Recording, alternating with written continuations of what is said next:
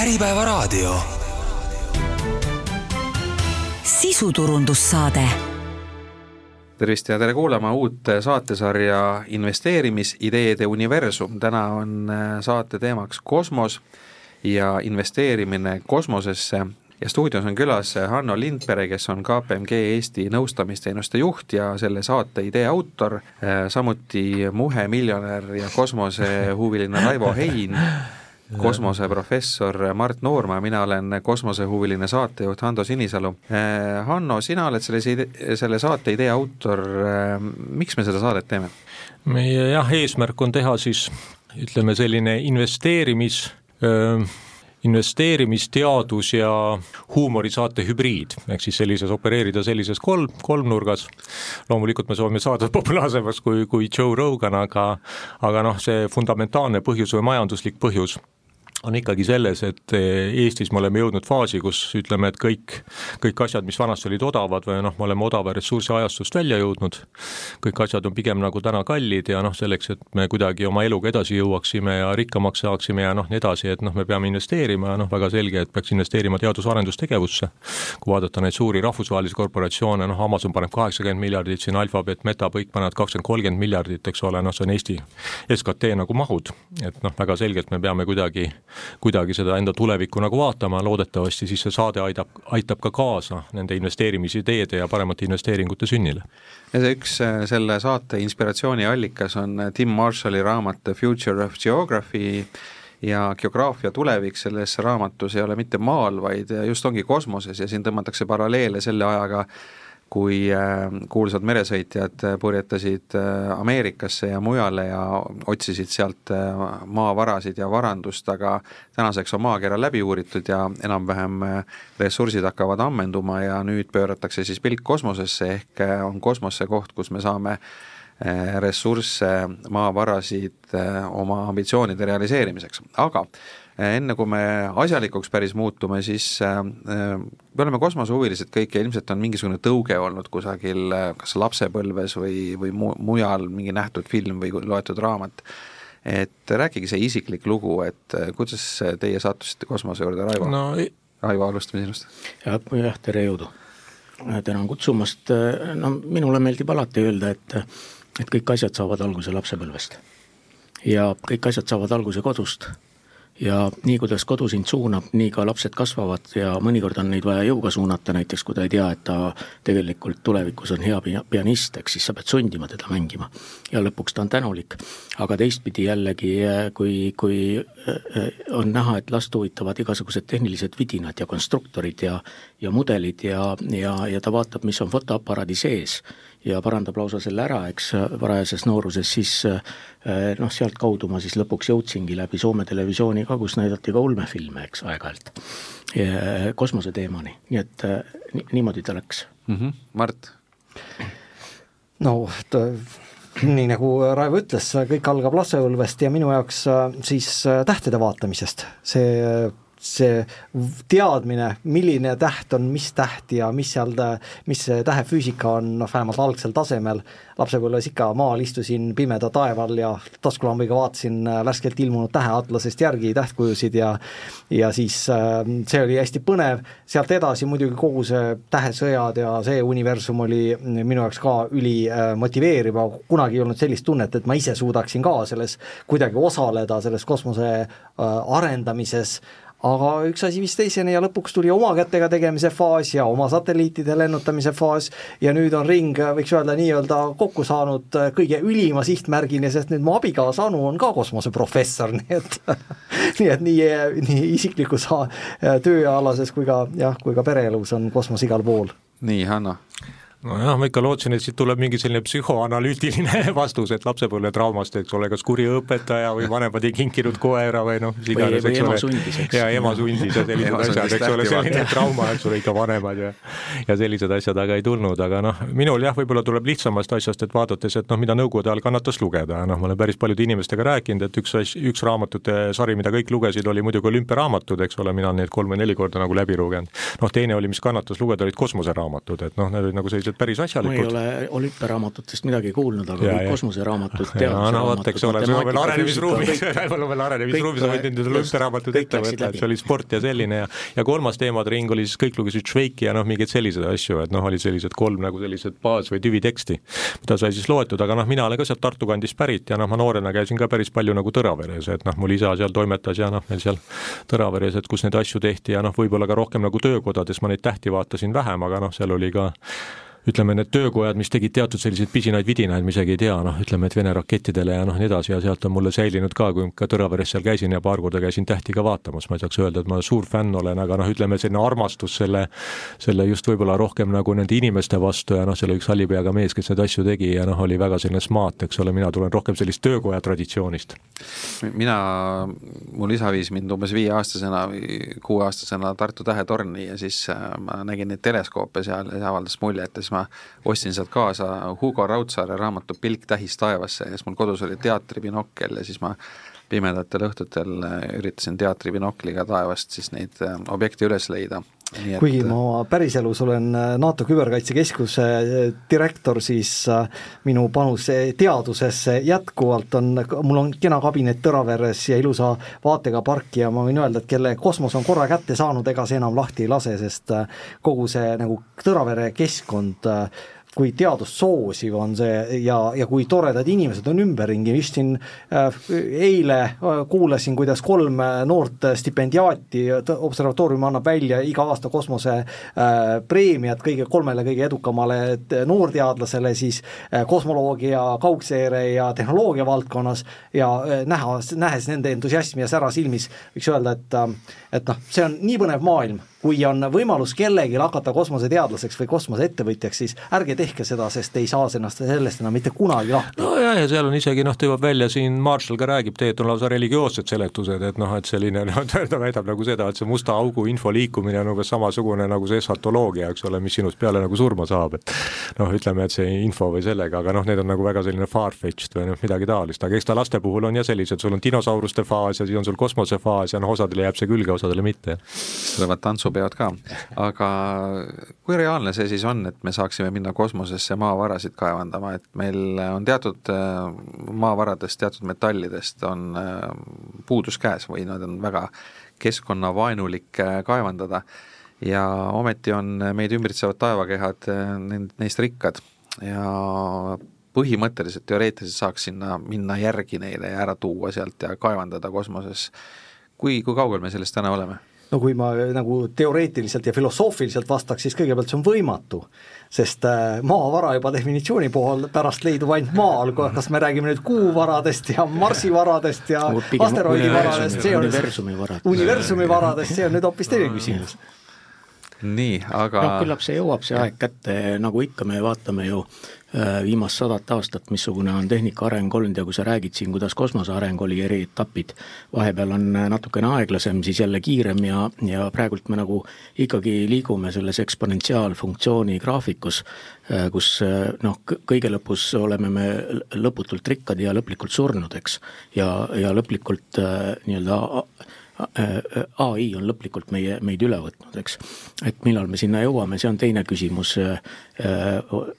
arvati, et Krutsvel vist, futuroloog, arvas, et mõni aasta tagasi, et neljakümne viiendal aastal peaks ai tulema ja nüüd eile ma just lugesin, et seoses chatiga on ikkagi see äh, aastate arv nagu ettepoole nüüd tõmmatud, eks mõni räägib kahekümne üheksandast aastast, aga pigem jääb ta sinna kolmekümne viiele juurde. Äh,, kusjuures äh, siis tähtis moment on see, et millal me nagu lähme üle analoogarvutitelt äh,, mis on tegelikult ju meil kiipidega arvutid, eks. Mm., äh, äh, kvantarvutitele, eks. Et, et, et see nagu muudab maailma ja, ja kui, kui selline asi äh, reaalsuses kätte jõuab, siis ma arvan, et, et nende ülesannete lahendamine, et saata mingisugune vidin sinna üles, hakkida ta enda külge, eks tuua orbiidile, lammutada ta laiali, eks saata tükid alla ja ümbertöötlusesse see, see on ainult aja küsimus. noh, seal isegi võib-olla suurem teema, kuidas mina noh, praktiliselt nagu seda näen, et kui sa tõesti tahad sinna mingi koloonia teha, noh mida ju päris palju mõeldakse või noh, ütleme, et sa käid ajutiselt kuul või noh, midagi taolist, sa pead ju kohalikku ehitusmaterjali kasutama, et üks asi on see, et sa lähed sinna kuus, eks ole, noh, mina olen muidugi profaan, eks ole, lähed sinna koopasse sisse, et noh, ennast radiatsiooni eest kaitsta, aga kui sa marsile lähed, siis sa pead ikkagi mingid ehitised tegema. kuule, aga siin me põrkame ikka et sul ei olegi millegi selle vastu, et noh, sa pead nagunii seda ehitusmaterjali noh, niipea kui sa sinna lähed või noh, teed mingi sellise ütleme, et äh, koloonia moodi või noh, ükskõik millise operatsiooni sinna siis on nagunii vaja ehitada, et sa kõigepealt pead selle valmis ehitama, enne kui sa saad üldse midagi maa peale nagu tagasi saata, et noh, kui sa saad maa peale tagasi saata või noh, siis me jõuame jah, selliste väga fundamentaalsete küsimuste juurde, hüppame kohe nagu väga palju edasi, et noh, et kas sa saad seda nagu tele, teledeportida või noh, mis iganes. no see on, see on, see on nagu kaugem tulevik, aga, aga kas te äh, olete mõelnud selle peale, mis saab, kui me lähmegi võtame selle väikse asteroidi ära, mis koosneb ainult süsinikust ehk on teemant, siis mida teeb Lõuna-Aafrikas Tiberias või mida teeb Venemaal äh, teemantide kasva-, äh, kaevanduseks. või siis, või siis okei okay,, nad on juba tänapäeval mõjutatud tehisteemantidest, mis ei ole grammigi viletsama kvaliteediga, eks. nii et, et, et ta toob ka teistpidi nagu selle, selle nii-öelda meie ellu kogu see sealtpoolt no, siiapoole no toodud asi, eks. ta jah, muudab kogu seda diskussiooni ka, kui me räägime tegelikult muidugi nagu rohepöördest, et kui me veel hüppame, et noh, meil on nagu kogu aeg ressursse puudu või noh, meil ei ole, siis kosmos on seda ju noh, nagu täis, eks ole, noh tegelikult ja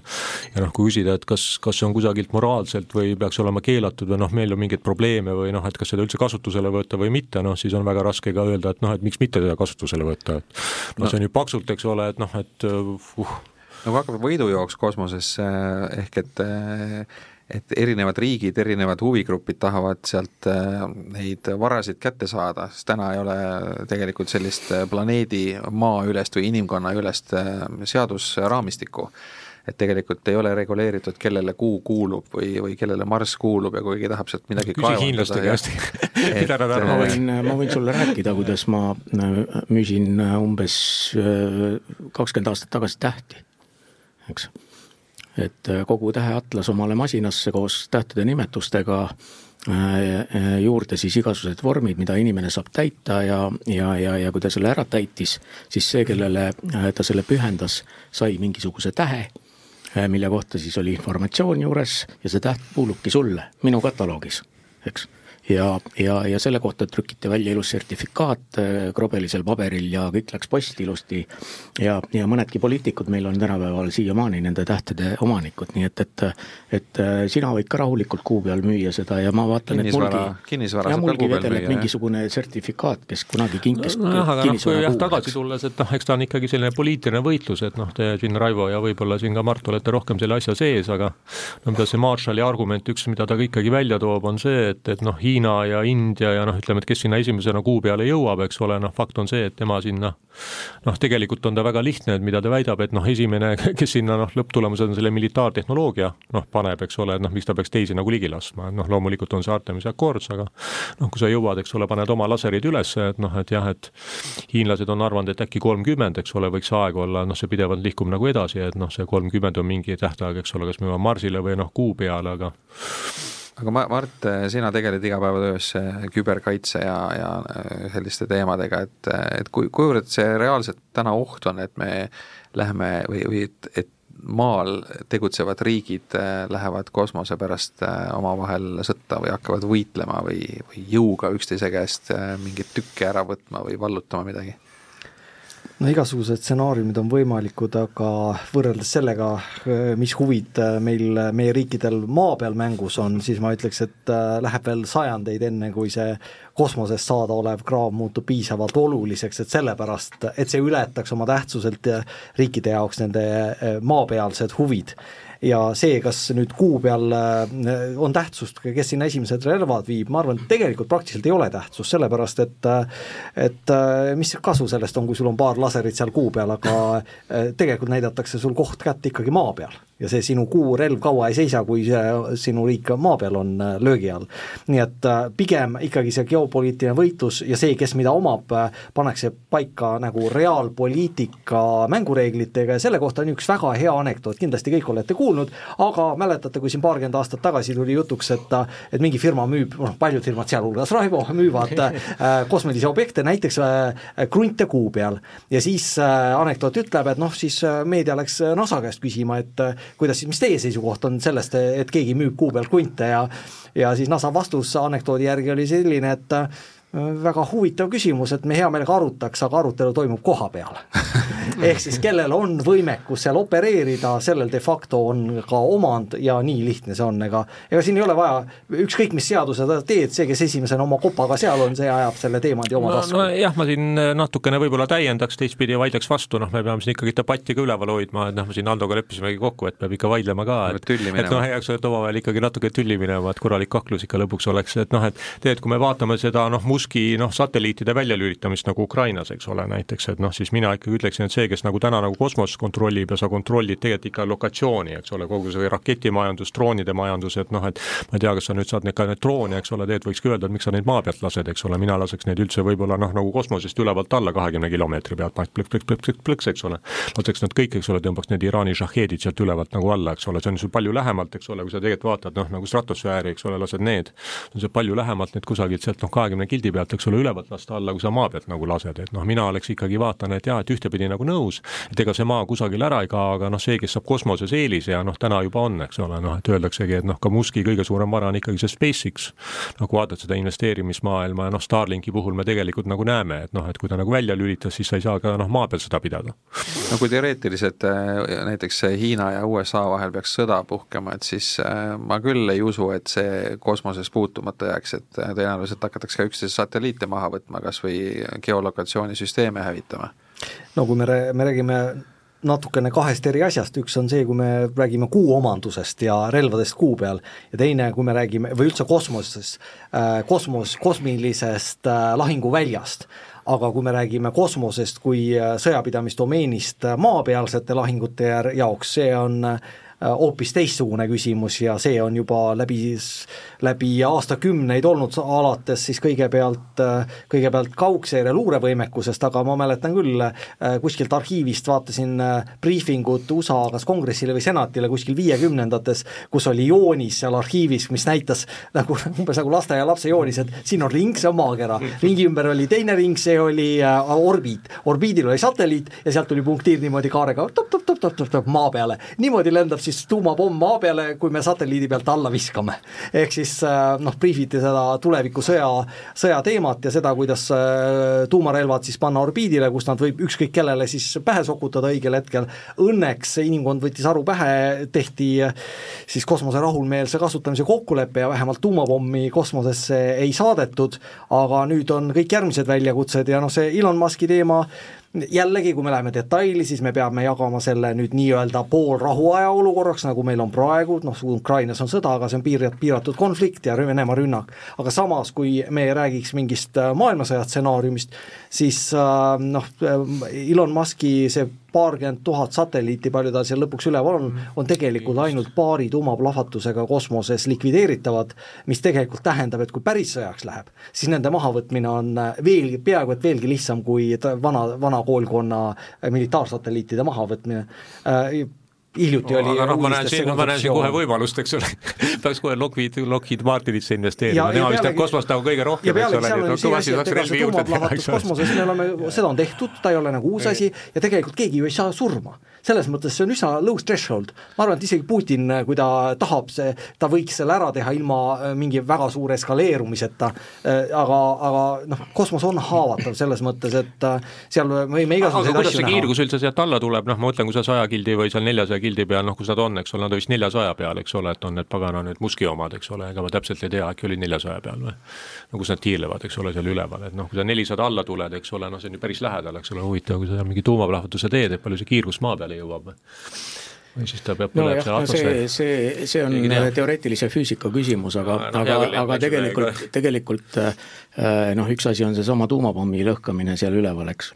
aga teine, teine asi on ju tänapäeval juba tehnikaga olemas, et siit maa pealt lastakse sul laseriga satelliidid alla. Äh, okei okay,, jah, hulgi võtta on neid lihtsam pommiga, aga, aga ka see Hiina viimane näide, eks, kus ta siis lasi midagi alla ja seal veel lisaks veel toimus midagi, mingi kosmoseprügi vist vigastas midagi muud ja mingi selline asi, aga see võimekus on juba praegult olemas. nii et, et loomulikult, kui maa peal tuleb selline suurem konflikt, loomulikult käib see ka seal üleval, ehk siis meie orbiidil, me ei räägi praegu ju kuust, eks aga kui me ükskord kuulini jõuame, siis, siis tõesti see, kellel on püstolid taskus, eks see mees ruulib, eks ja kindlasti siia vahepeale ma tahan öelda seda, et ärme lase ennast sellest sõja, kosmosest ja sõjapidamisest äh, liiga ära ehmatada või kaugele kanda, sest endiselt kosmose nagu suurim võlu on ikkagi mm. olnud inimkonna inspireerimine. Ja, ja, aga... ja Raivo suurepärased kaunid kosmosepildid, Raivo Täna. minu hinnangul on kindlasti üks Eesti parimaid, äh, mis see on siis, kosmosefotograafe ja see on, kõik on selline rahumeelne asi, mis inspireerib noori õppima füüsikat, keemiat ja tehnoloogiat ja nii edasi, see on kõik äh, see positiivne külg ja noh, sõjapidamine on niisugune vältimatu unusta, ära unusta seda ütlust, et kui sa tahad rahu, siis valmistu sõjaks ja kõik meie tehnoloogilised uuendused, mis läbi ajaloo on tulnud, on praktiliselt äh, tänu sellele, et kuskil on mingi konflikt ja sa pead olema veidikene parem, eks. nojah, Newton ja, ikka ka arvutas täpselt. rohkem neid ballistilisi trajektoore, eks ole, kui no, seda no vot, et, see tegelikult taandub, me teame äh, Kevlarid ja kõik muud mikrolaineahjud, mis on tulnud tänu sellele, eks, seitsmekümnendatest ja varemast ajast juba, et äh, küllap jääb see ka edaspidi niimoodi olema, et see, et sa ellu pead jääma, pead sa ka siis midagi teistmoodi teistmoodi tegema, paremini tegema ja kaugemale minema, eks. aga mida võimekamaks muutub meie tsiviilmaailm, siis, siis on ka praegu näha selgeid muudatusi, mitte fundamentaalseid, aga muudatusi seoses ka sellega, et sõjatehnoloo-, et sõja ka ja konfliktist tuleb põhiline areng, kõigepealt konflikt on juba selline muutuv ja ajalooline termin, näiteks Hiina suhtes keegi ei, ei ütle nagu otseselt ju, et Hiina oleks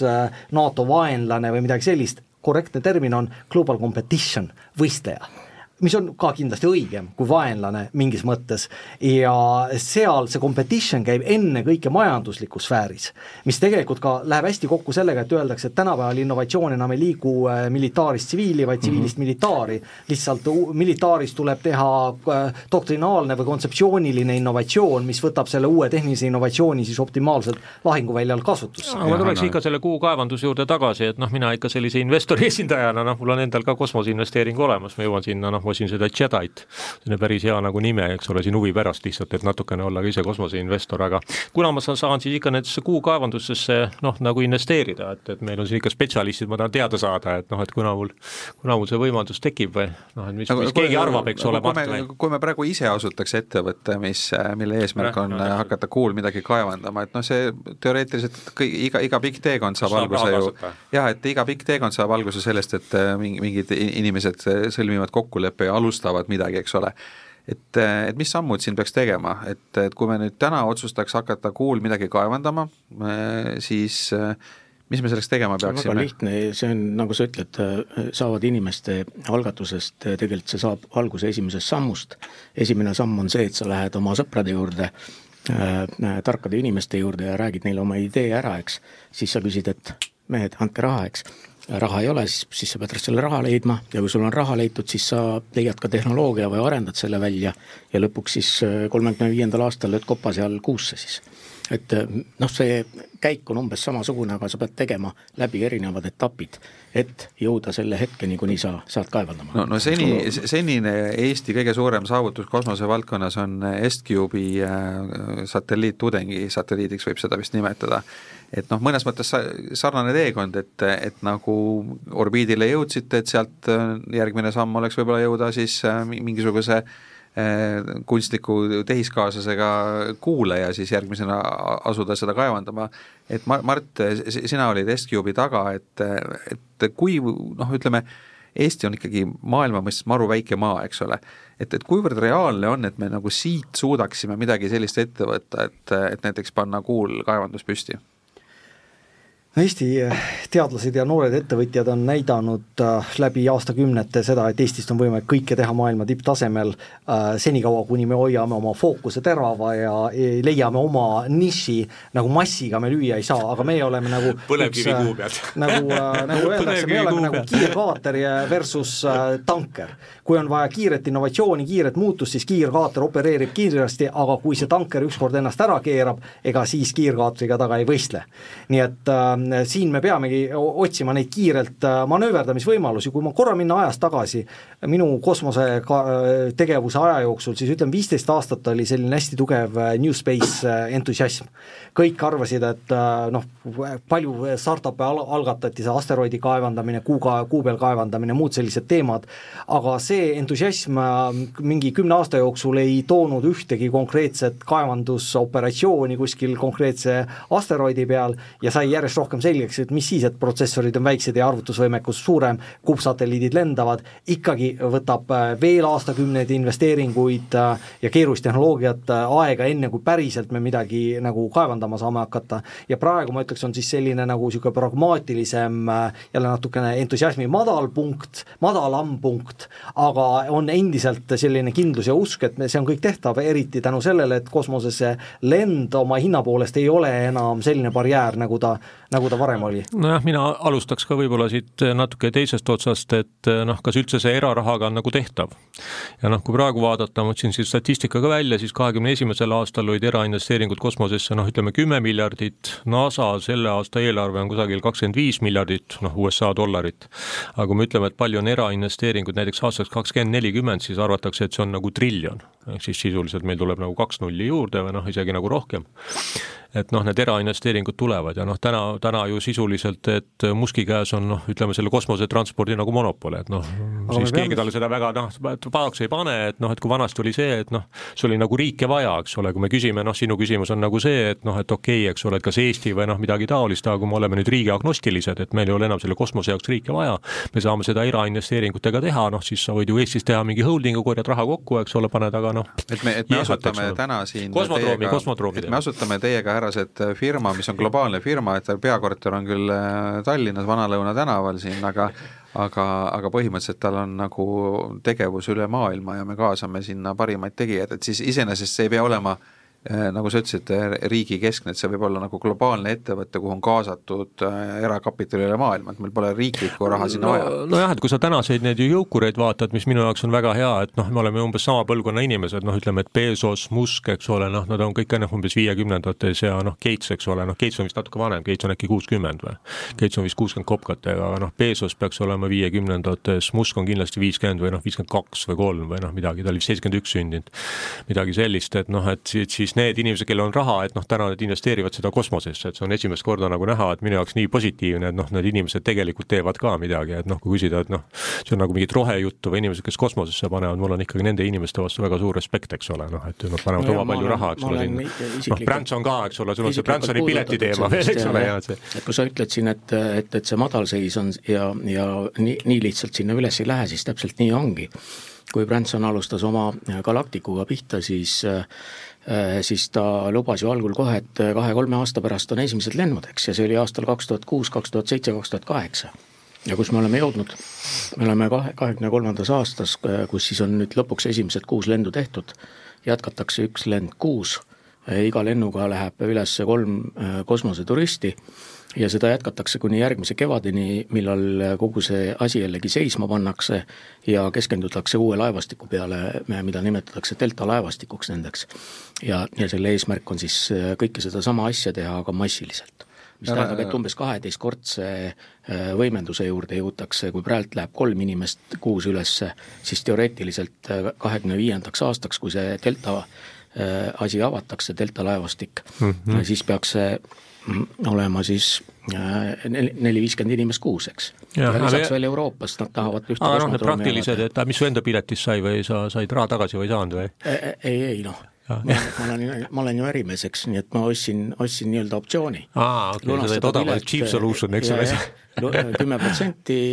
võimalus lunastada siis, kui lennuks läheb, pilet okay, välja, eks okay, vana hinnaga, nii et kui tänapäeval on hind pool miljonit dollarit juba mm, -hmm. siis äh, minu jaoks on hind ikkagi veel kakssada tuhat. sa saaks edasi ka müüa seda? siis saad kahekümne tuhandega. ma saan selle kahekümne tuhandese optsiooni kellelegi edasi müüa kolmesaja tuhandega ja ta on ikkagi plussis, eks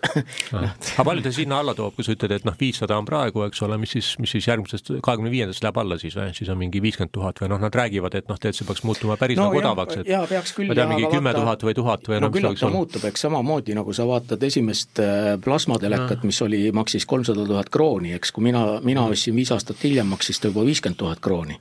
Ja mm -hmm. tänapäeval plasmatelekaid enam vist ei tehtagi, aga no, iga, igagi vähegi normaalne kuuekümne viie tolline telekas on sada eurot vähemalt, eks, või, või sada, kakssada eurot. et aga..., et küllap läheb sealgi see asi, aga jällegi seesama sinu jutt, Mart, et, et see innovatsioon ja et sinna jõuda, selleks on vaja nii kuradi palju tööd teha, see asi ei ole, et kahe aasta pärast. Ja seda noh, Bransoni puhul räägiti seda ju iga aasta, iga aasta. Kahe aasta pärast hakkab, hakkab. no aga noh, Bransoni ja Muski vahel on nagu vahe ka, noh, mina seda Muski asja ei tea, aga noh, minu arvates ta need raketid, eks ole, ta tegi ikkagi mingi viie aastaga ära või noh, midagi sellist, et noh, et no igal juhul ma parandaks, parandaks väikse fakti äh, vea, Muskil ei ole, ta äh, ei ole äh, monopoli, ta on monopolist väga kaugel, on neid praegu lihtsalt järjest rohkem tuleb mängijaid, kes oma rakette kosmosesse saadavad seal, sealhulgas riigid, tegelikult mm -hmm. riikidest vist Hiina on üldse kõige suurem raketilennutaja, oli eelmine aasta, noh, kui me ütleme, kommertslende kõrvale jätame, ühesõnaga tegijaid on palju. aga sellest arengukiirusest, et et kui, kui vaadata sellist kosmose vallutamise ajajoont, siis tegelikult esimesest tehiskaaslasest Sputnikust kuni esimese inimeseni Kuul läks kaksteist aastat et äh, see oli ülikiire areng ja seda arengut tiivustas USA ja Nõukogude Liidu omavaheline rivaalitsemine. ja, ja see oli mõlema jaoks nagu põhimõtteliselt uhkuse küsimus, et sinna pandi hullu raha sisse ja, ja nii-öelda riiklikul tasemel see oli absoluutne prioriteet. ja põhimõtteliselt see lõppes nagu äh, kuu missiooniga ära ja pärast seda on äh, arengud olnud sellised äh, noh, ütleme evolutsioonilised, mitte revolutsioonilised, et on äh, kosmosesüstikud, on orbitaaljaamad ja, ja, ja muud sellised asjad, aga sellist suurt dramaatilist läbimurret pole olnud. et miks see nii on, et miks, miks me nüüd alates kuuekümne üheksandast aastast kuni praeguseni ei ole näinud ühtegi sellist väga dramaatilist sündmust, uue planeedi vallutamist või midagi muud sarnast? sellepärast, et raha, raha ei jätku aga raha trükit-, raha trükitakse ju kogu aeg juurde. nagu sa ise ütlesid, kui palju see läks maksma tookord. et see oli lihtsalt kohutav. Ma neid numbreid peast ei mäleta, küllap sa saad arvutist vaadata äh, sõltuvalt või võrrelduna tänapäevaga, aga, aga see, see lõpuks pandi ka rahapuudusel seisma ja, ja kui sa mõtled, et, et sa tahaksid kuulekaevandust teha, siis NASA kahekümne viie miljardiga ei, ei tee sa mingit kaevandust sinna, eks. et, et, et hakkame rääkima sajast ja, ja, ja sajast miljardist ja üles. kakssada viiskümmend seitse miljardit on äh, inflatsiooniga kohandatud no, Apollo projekti maksumus. No,. ja praegult oli, mis sa ütlesid, NASA kakskümmend viis miljardit. kakskümmend viis miljardit, see on mina jah, selle aasta eelarve jah, selle aasta eelarve jah, noh, see on kümme, kümme korda jah, eks ole, kümne aasta eelarve jah. kümne aasta eelarve, aga noh, ma võib-olla jah, täiendaksin noh, nagu Raivot, et noh, minu interpretatsioon on jah, nagu selline, et, et ühtepidi ta on nagu raha küsimus, aga noh, teine asi on see, et me ei suuda seda noh, ütleme, et kui vaadata majandusteooriat, majandusteooria ütleb seda, et ikkagi, et meil tootlikkus järjest noh, väheneb ja noh, eks ole, selle tootlikkuse vähenemise vastu tuleb meil tehnoloogia areng. ja noh, tehnoloogia areng suudab meil seda tootlikkuse vähenemise kõverat noh, nagu enam-vähem mõistlikuna hoida mitte, eks ole, et ta ei aita nagu kaasa, ehk siis me ei suuda seda raha, me peame järjest rohkem investeerima sellest, et järjest marginaalsemaid noh, nagu saavutusi tegema ja miks, eks ole, see teadus noh, meil nagu selle tootlikkuse kasvu nagu ei jõua, no siin jälle nüüd oodatakse seda tehisintellektist, eks ole, aga noh, counterargument selle majanduslik ja, ja eks ole, majanduslik vastuargument on nagu see, et see tehisintellekt võib-olla suudab ainult meile seda tänast, eks ole, elatustaset garanteerida, mitte ta ei anna meile midagi juurde, vaid eks ole, see on nüüd järgmine tehnoloogiline hüpe, mis, mis lubab meil, eks ole, enam-vähem niimoodi sama samamoodi nagu edasi tiksuda. aga, aga ikkagi see ambitsioon, et raha, raha ju saab juurde trükkida, raha ei ole kuskile kadunud ja vaadata, kui palju raha kulutatakse mingite muude asjade peale, siis äh, see kakssada viiskümmend seitse miljardit Apollo äh, projekti jaoks ei tundu võimatu summa olevat, et äh, kus see ambitsioon jäi? kuule, ei, ma, ma segan sellele vahele, et, et raha trükitakse juurde, siis järelikult kõik meie probleemid on lahendatavad ju no vahepeal trükime lihtsalt lõputu hulk raha juurde. vahepeal, vahepeal nii oligi ju. nojah, vaata juba jällegi, noh ma tulen jah selle maja see lõppes ära, see saab mingi hetk kesta aga, aga lõpuks, kust sa selle kogu energia saad ja, ja mis on raha väljendus no,? energia, eks see tuleb päikeselt. siin ma jällegi noh, paneks sellise majandusteadlasena, ma panen selle jälle majandusteaduslikkuse konteksti ja ma eile kuulasin seda Michael Pence'i, kes on välja andnud noh, raamatu koos Arianiga selle Perma Crisis ja noh, tema argument on see, et me oleme jõudnud sellise demand constraint majanduses supply constraint majandusse. ehk siis tegelikult me selle rahatrükiga enam neid probleeme ära ei lahenda, kui noh, vanasti oli see, et sul oli nõudlus oli probleem ja noh, kui sul on nõudluse probleem, sa saad nagu raha juurde saata, eks ole, noh okei okay,, eks ole, sa tahad inimestele külvad raha, eks ole, noh, eks ole, nad ostavad midagi, aga kui sul on supply constraint, siis enam see noh, nagu ei tööta. Mina olen seda usku, et raha leiab, kui on soov. Ja Mart, ma sinu käest üritan välja pressida seda, et kus see ambitsioon kadus, kus, kus kadus ära äh, riikide ambitsioon teha selliseid suuri asju, nagu oli näiteks president Kennedy'l, kui ta ütles, et me sajandi või kümnendi lõpuks viime inimese kuule ja toome ta sealt elu, elusana tagasi. ja ütles veel hästi, et me ei tee seda sellepärast, et me, et me peaksime seda tegema, aga me oleme uudishimulikud ja me tahame seda teha. jah, ilusad, ilusad Not because soovid. it is easy, but because yeah. it is hard. just uh, jaa, siis olid geopoliitilised mõjud ja mis tegelikult panid, ütleme, inim-, inimesed suhteliselt on ju, inimesed on suhteliselt rumalad äh, nagu in-, in, poliitiliselt ja need otsused, mis me teeme, põletame raha, saastame loodust ja nii edasi, aga vahest mingisugused tingimused, nagu näiteks see külm sõda, äh, suunasid ka inimkonna sellise äh, positiivse suuna peale, tehnoloogia arenduse peale, millest tuli, tuli siis meie võimekus äh, kuule jõuda. miks kuule minek äh, oli tark tegu, mitte rumal tegu, on kõige suuremas pildis minu, minu jaoks see, et et üks fundamentaalsetest ohtudest inimkonna jaoks on ikkagi kosmiline külaline, asteroidi kokkupõrge maaga, maa, elu hävinemine maa peal ja oleks väga vastutustundetu mitte tehnoloogiatesse investeerida, mis võimaldaks sellise ohuga tegeleda, isegi kui see juhtub tuhande aasta pärast. aga võib-olla selle tehnoloogia väljaarendamine võtabki tuhat aastat, ehk siis iga põlvkond peaks andma oma panuse, et selliste fundamentaalsete ohtude vastu sõdida, see on nüüd niisugune nagu kõige kaugele vaatavam põhjus, miks kõik need sammud, esimene inimene kosmoses, esimene inimene kuu peal, on tähtsad. siis peale seda äh, oli poliitiline madalseis, sest ei olnud enam seda kuuma teemat, külm sõda polnud ka enam nii kuum, buum ja siis äh, jõudsime tegelikult stabiilse arengufaasi, nagu ikka majanduses käib see kõver, et kõigepealt on mingi piik, aga siis tuleb stabiilne areng. kosmosesüstik oli väga suur areng, Hubble'i teleskoop oli tohutu samm edasi, sealt edasi ISS, rahvusvaheline kosmoselaev oli tohutu samm edasi aga ei saa väita küll, et viimase paarikümne aasta jooksul olnud arengud oleks tähelepanuta jäänud, kui me ikka vaatame seda, seda korduvkasutaga, kasutatavat äh, kanderaketti SpaceX-i poolt, no see oli küll asi, mida ma vaatasin korduvalt üle ja üle, kuidas need, need äh, kiirendid ise oma tarkusega sinna parve peale laskusid, sest see illustreeris tegelikult see tundub lihtne tavainimesele võib-olla, aga see on tohutu tehnoloogiline revolutsioon. ja sealt edasi, kui me räägime, räägime GPS-ist, räägime Starlinki satelliitsidest, Need on sellised asjad, mida me võib-olla ei taju, noh GPS kas või, see on puhas mhm. kosmos. Ja kui no, tohutult see igapäevaelu, kõigi inimeste igapäevaelu palju, palju noh, palju abielusid see on koos hoidnud, eks? Ja, keegi ei pea kaarti vaatama. ja kui, kui palju siis see Starlink tegelikult mõjutab meie Internet of Thing ise sõitvad autosid. Äh,, meretransport tulevikus, nagu igas punktis me, me oleme võrgus. see hüpe on lihtsalt selline evolutsiooniline, aga seda suurema mõjuga see kõik on. no ta ei ole nii dramaatiline, noh, ma, ma olen no, aru saanud, et, et see James Webbi äh, kosmoseteleskoop teleskoop on nagu tänases maailmas kõige keerulisem tehnoloogiline asi, mis on tehtud, et, et ma käisin seal tehases, kui seda tehti ja see, sellest on nüüd äh, kaks tuhat üheksa vist, äh, nii et aastaid tagasi juba, ja, ja see oli väga selline äh, high-tech värk, nii et, et pidi tõesti panema kõik need valged asjad selga ja ja maskid ette ja, ja siis läbi klaasi näidati, kuidas nad siis kuradi masinad lihvivad sul neid peegleid, eks. et äh, täielik ulme, eks oli juba tollel ajal ja nüüd, mis ta seal üleval teeb no jah, selle koha peal kui... ma ei saa jätta, jätta jälle kõrvale järgmist anekdootlikku lugu. Rääkides okay, puhasruumidest. ärge seda kellelegi kõva häälega rääkige, eks ole, hoiame selle omavahelises väikses, väikses kuulajate seltskonnas, kuidas see S-Cube üks äh, oli siis äh, Prantsuse Guajanas äh, Äh, puhasruumis valmis, äh, pandi valmis teda kosmosesse lendamiseks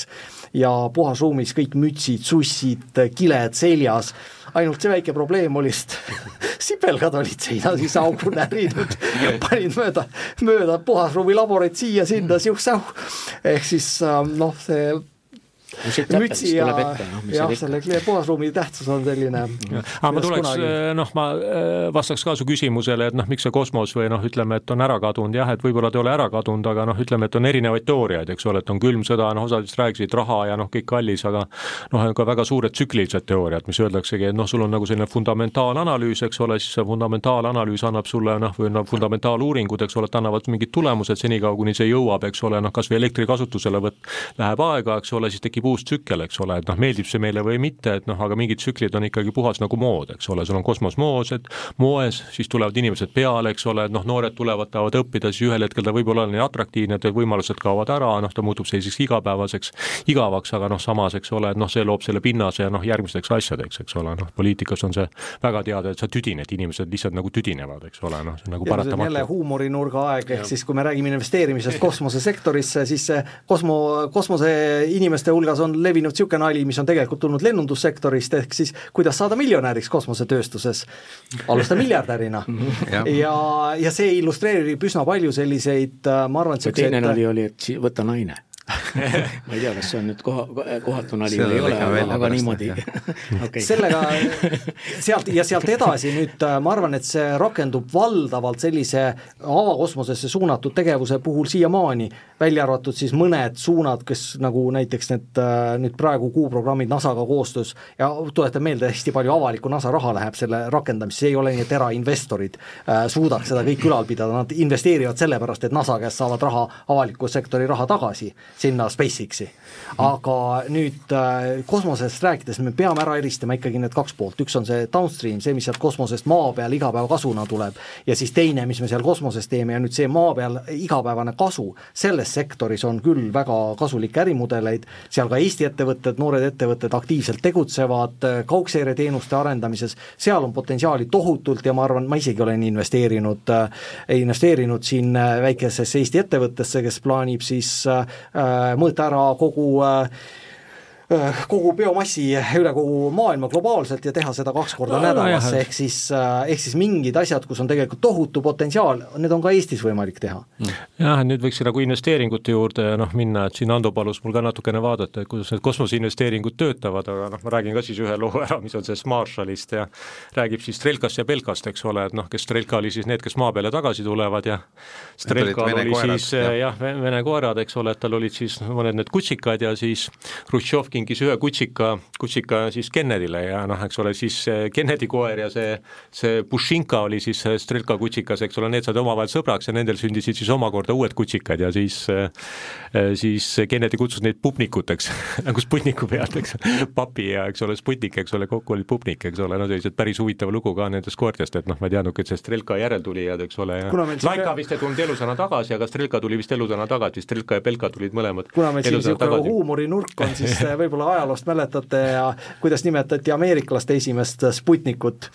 kui äh, venelased tegid oma salaja, nagu ikka Venemaal tavaks, salaja mm. lendas ja kui oli edukalt orbiidil, siis anti teada, äh, kui ameeriklased tegid äh, ameeriklaste omanik, omaselt suure show ja siis kaamerate ees see rakett plahvatas, kukkus külili ja sa, satelliit veeres, nagu räägitakse, veeres sinna kaamerate ette nukralt piiksuma ja ajakirja pealkirjades, pealkirjades nimetati seda kaputnikuks ja, ja aga nüüd on õige aeg natukene nagu külma vett, eks ole, pangiga vist pähe kallata, eks ole, et noh, siin jah, Ando palus mul vaadata, et kuidas need kosmoseinvesteeringud teevad ja noh, siis täna käisin nagu läbi, vaatasin mingi nimekirja, noh, ma kõikehõlmavat sellist noh, tööd ei jõudnud teha, aga noh, seal ikkagi väga paljud on lausa kukkunud kümme korda. et noh, üks null on nagu tagant ära kadunud selle aasta jooksul, et noh, kui aasta alguses olid seal noh, ütleme, et oli sul sada ühikut, noh siis oli see aktsiahind siis tänaseks on järgi jäänud kümme, et noh, ma loodan, et Raivo on nüüd, eks ole, et noh, investeerinud ja noh, siis ma saan Raivo, Raivo käest kuulata, eks ole, et noh, seda. Ei, mul mul on ainult Thorntoni aktsiaid olnud, nii et, et ma ei ole kuskile mujale seda raha pannud. Aga... ja, ja tegelikult noh, jällegi on see loogiline, eks, et kogu see nii-öelda maailma majandus ja, ja see pool, millest sa siin räägid, rahatrükk ja kõik muud, eks, et see teeb oma töö, aga kui me ikkagi vaatame pikaajalist graafikut, siis ta käib all ära ja tuleb jälle üles tagasi. et, et, et see on, kõik on ajutine meie jaoks. täpselt jah, et aasta algusest on jah, see pilt on nagu suhteliselt kurb, eks ole, noh, see nagu viitaks, et investorite usk on kadunud, noh, samal ajal noh, mina ostsin ka oma selle Jedi ostsin kuu aega tagasi, noh, ta on mul nagu plussis, eks ole, noh, täpselt seesama asi, et kui sa vaatad pikaajalist perspektiivi, viimast kuud, et eks ta tuleb üles tagasi ju pead äh, investorina teadma, et, et kui sa Jedi'd ostsid, siis sa pead tegema seda järgmised viiskümmend aastat iga kuu eks, ja ainult oska. ja force trust you must, ma usun, usun force'i, eks ole, force trust you must.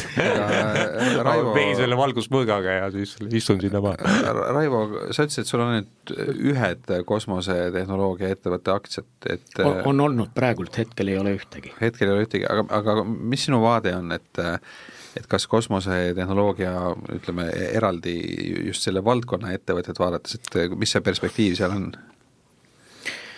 Äh, no, no mis see perspektiiv on, no täpselt siis ongi, et, et kuni me jõuame sinna ülesse, kus me saame kopa nagu kuu sisse lüüa, siis see perspektiiv on nagu väga vinge ja, ja viiekümne aastases äh, vaatevinklis, nagu ma äsja ütlesin, et peaks nagu iga päev ostma seda asja, eks. aga me ei tea, me ei tea, kes viiekümne aasta pärast alles on. Äh, ei, ei noh, sa ei, sa ei tea, mis hommegi juhtub no,, eks, et sa ei saa niimoodi võtta, et ei tea, kas ma peaksin omale ostma omale uue maja või korteri, aga ei, ei, hinnad on kõrged, ma ootan veel, eks ja, ja siis sa jäädki ootama, eks, seda aega. et, et sellist asja, see on nagu see inimlik äh, soov, et keegi lahendaks sinu eest probleemi, ütle mulle, mis homme juhtub, eks. et see on see, et parim no, hetk oli eile ja järgmiselt paremuselt hetk on täna, eks ole. jah, jah, ja kui sa homme alustad, siis ei ole ka veel hilja, eks, nii et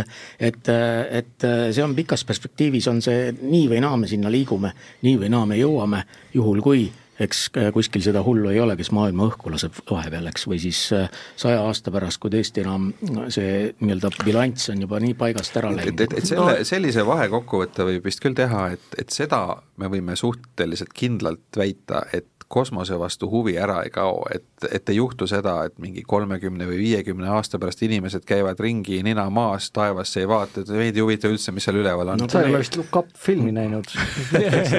või siis, kui me just päris idiokraatiasse ei jõua, eks, nii et ei äh,, olen, olen kusjuures seda, filmi näinud küll, et see on väga filmisoovitus, et äh, see nojah, kuigi jah, see jah, teooria jälle ütleb, et sul on juba noh, nii see atmosfäär, noh, atmosfäär on nii saastunud, et sa ei näegi, eks ole, et noh, kui see tegelikult esimene noh, seal kolm tuhat või noh, viis tuhat aastat tagasi, kui Babylonis vaadati, et siis nägi ikka palju paremini, eks ole, noh, öeldakse, aga jah, et veel kord, et noh, täienduseks ka Raivole, et no ikkagi Muski puhul ka, mul ei ole seda datat ees, aga arvatakse, et noh, see SpaceX ja kogu see Starlink on ikkagi väga palju rohkem tal väärt, eks ole, kui see kogu noh, ütleme, Teslandus noh, ma ei tea, milline hinnaliping peaks vaatama, sinna nagu külge pannakse, aga noh, hinnatakse ja noh, ega ma ei usu ka, et Bezos ja noh, teised, eks ole, Gates seda päris altruismist nagu teevad, eks ole, ju nad ikkagi tajuvad seal mingit äri, et noh, et see, see noh, nagu ja, päris hea tegevus ka ei ole ja noh, Muski Bezos. puhul ta ilmselt juba noh, nagu ilmselt, eks ole, noh, ta suudab seda kuidagi ka monetiseerida. Bezose inimesed jõudsid isegi minuni välja ja tahtsid mind enda juurde saada, nii et Vau, eks ole nagu, palju pakuti, palju pakuti, noh, palju? ma küsisin, aga, aga nad ei tahtnud seda nagu kõva häälega öelda, eks, ja, ja siis okay, nagu ikka okay., et et anna oma krediitkaardi number, esimene kuu on tasuta, eks, no, no selles mõttes, et, et algul, algul on kõik tasuta, eks, aga pärast siis hakatakse maha võtma, eks. kuidagi see kukkus lõpuks ära, aga, aga nagu sa ütlesid, et see, keegi ei tee seda heategevusest, eks. üks osa inimestest teeb alati head, aga teine osa inimestest on ettevõtjad, eks, kes üritavad nagu maksimeerida ja kasumit teenida jah, aga nad ja... suudavad ka neid riske taluda, et ja, see on nagu riskantne jah. loomulikult suudavad, jah. no kui, kui India, vabandust, kui Nõukogude Liit ja USA vaheline rivaliteet oli see, mis selle suure kosmose arengu käivitas, siis nüüd on tulnud uusi huvitavaid mängijaid siia ja tegelikult kuu missioonidest rääkides oli hiljuti, täpsemalt siis augustis, selline põnev lugu, et ühe nädala jooksul oli kaks uudist paaripäevase vahega, üks uudis oli see, et Vene kuukaaslane kukkus äh, kuu lõunapooluse läheduses puruks ja, ja paar päeva hiljem äh, India äh, Chandrayaan maandus edukalt, mis kuundus, viis siis, kuundus, kuundus jah, mis, mis viis siis Mars, marsndus. Mars, mis viis India siis nagu ütleme, India prestiiži üles, et, et Mart, kuidas sellega täna on, et, et kas, kas mingi uus vastuseis, vastasseis siis need Aasia äh, suurriigid Hiina ja India versus ma ei tea, siis Venemaa, Euroopa ja USA, et kas see ka võiks innustada sellist eh, viiekümnendate, kuuekümnendate aastate sarnast eh, kosmose sellist eh, sprinti või, või praegu nii, nii terav see olukord ei ole? ma arvan, et see global competition on märksõna, globaalne võitlus, võistlus ja see võistlus ennekõike siis majandussfäärides on see, mis, mis ruulib ja India puhul või Hiina puhul ka see on oluline komponent seal, see tehnoloogialise võimekuse demonstreerimine kandub üles ka näite, üle ka näiteks nende igapäevavidinate usaldusväärsusesse. et kui oskad juba raketti ehitada, küll sa saad siis ka tolmuimejaga hakkama ja muud sellised asjad, aga üks asi, mis on täiesti selge, on see, et meil ei ole mingit mõtet rääkida Venemaast kui kosmose äh, superpower'ist või suurvõimust, kes sellest räägib, peab, ta, ta elab mingis kuuekümnendates aastates, kui see tõesti nii oli, praegu kas seesama kuu, kuu äh, süsteem ju põhines kuuekümnendate tehnoloogial. Venemaal ei ole, ei ole innovatsioonivõimekust enam, nad on, me näeme su-, sügavat kukkumist ja kraavi nende ees, kust nad välja tulevad, ma ei tea, viiekümne aasta pärast, mitte varem, sest nad annavad, ainult kütavad hagu alla põletavad oma ressursse sõjapidamise peale ja see ei inspireeri kuidagi nende kosmose arengut. Äh, mõned, ütleme kümmekond aastat tagasi ma käisin äh, ühel kursusel rahvusvahelises kosmoseülikoolis ja üks Venemaalt pärit professor ütles, et sa vaata Venemaal ringi, sa ei näe mitte ühtegi keskealist kosmoseteadlast. kõik on kas äh, kaheksakümnendates või kahekümnendates, sest kõik, kes vähegi tegijad on, töötavad NASA-s või no,, või mujal välismaal. kui sa oled kahekümnendates on. nii et see, see veel kord, ütleme, Venemaa kanname maha, sealt ei tule mingit innovatsiooni, nad lihtsalt lihtsalt veel kord Putini rõõmuks kogu maailmale näitasid, mis on nende reaalne tegev, tegelik seis ja niipea, kui rahvusvaheline kosmosejaam pillid kotti paneb siin kümnendi lõpus, siis äh, muutub see väga ilmseks, mis nende võimetus on. aga mina tahaksin ikkagi edasi kangutada nagu natukene, et noh, me sellest kuust ja kõigest nagu rääkisime, aga noh, me ei ole nagu üldse ikkagi Marsist rääkinud, eks ole, niimoodi, et äh,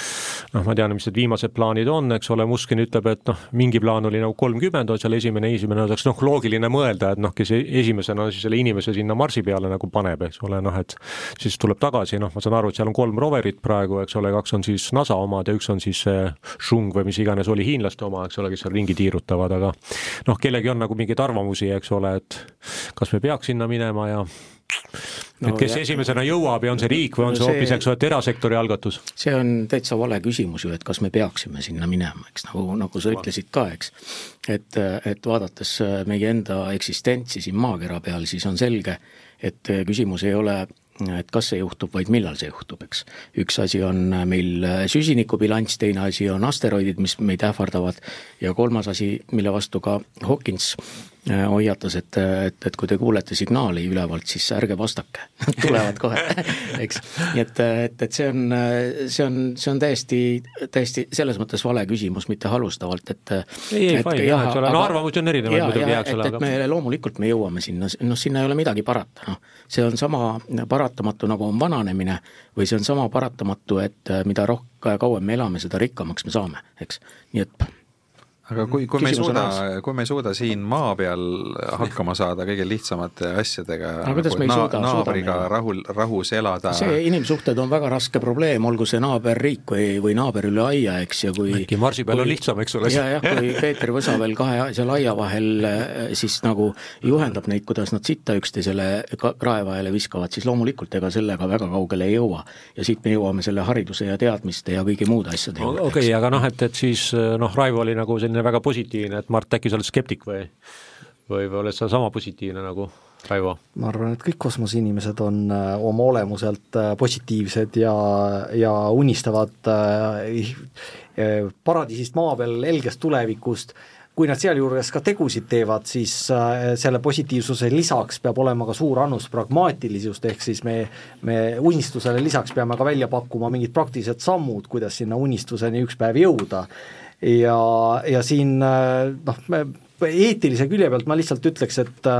et äh, meil ei ole inimkonnana tegelikult eetiliselt moraalset õigust minna koloniseerima kosmost, koloniseerimisest rääkimata meil ei ole ka eetiliselt õige sinna minna senikaua, kuni me maa peal pole oma kodu korda teinud sest äh, me võtame kõik oma probleemid kaasa, see ei ole, Marsile minek äh, ei ole mingi lahendus ühelegi probleemile ja, maa peal. kas see, et, et Columbus Ameerikasse läks ja samal ajal ei lahendatud äh, kogu keskaegset kriisi siin Euroopas, et, et ma vaidlen sellele vastu. ta viis, Columbus viis kõik meie keskaegsed Euroopa probleemid Ameerikasse. selles mõttes nagu sa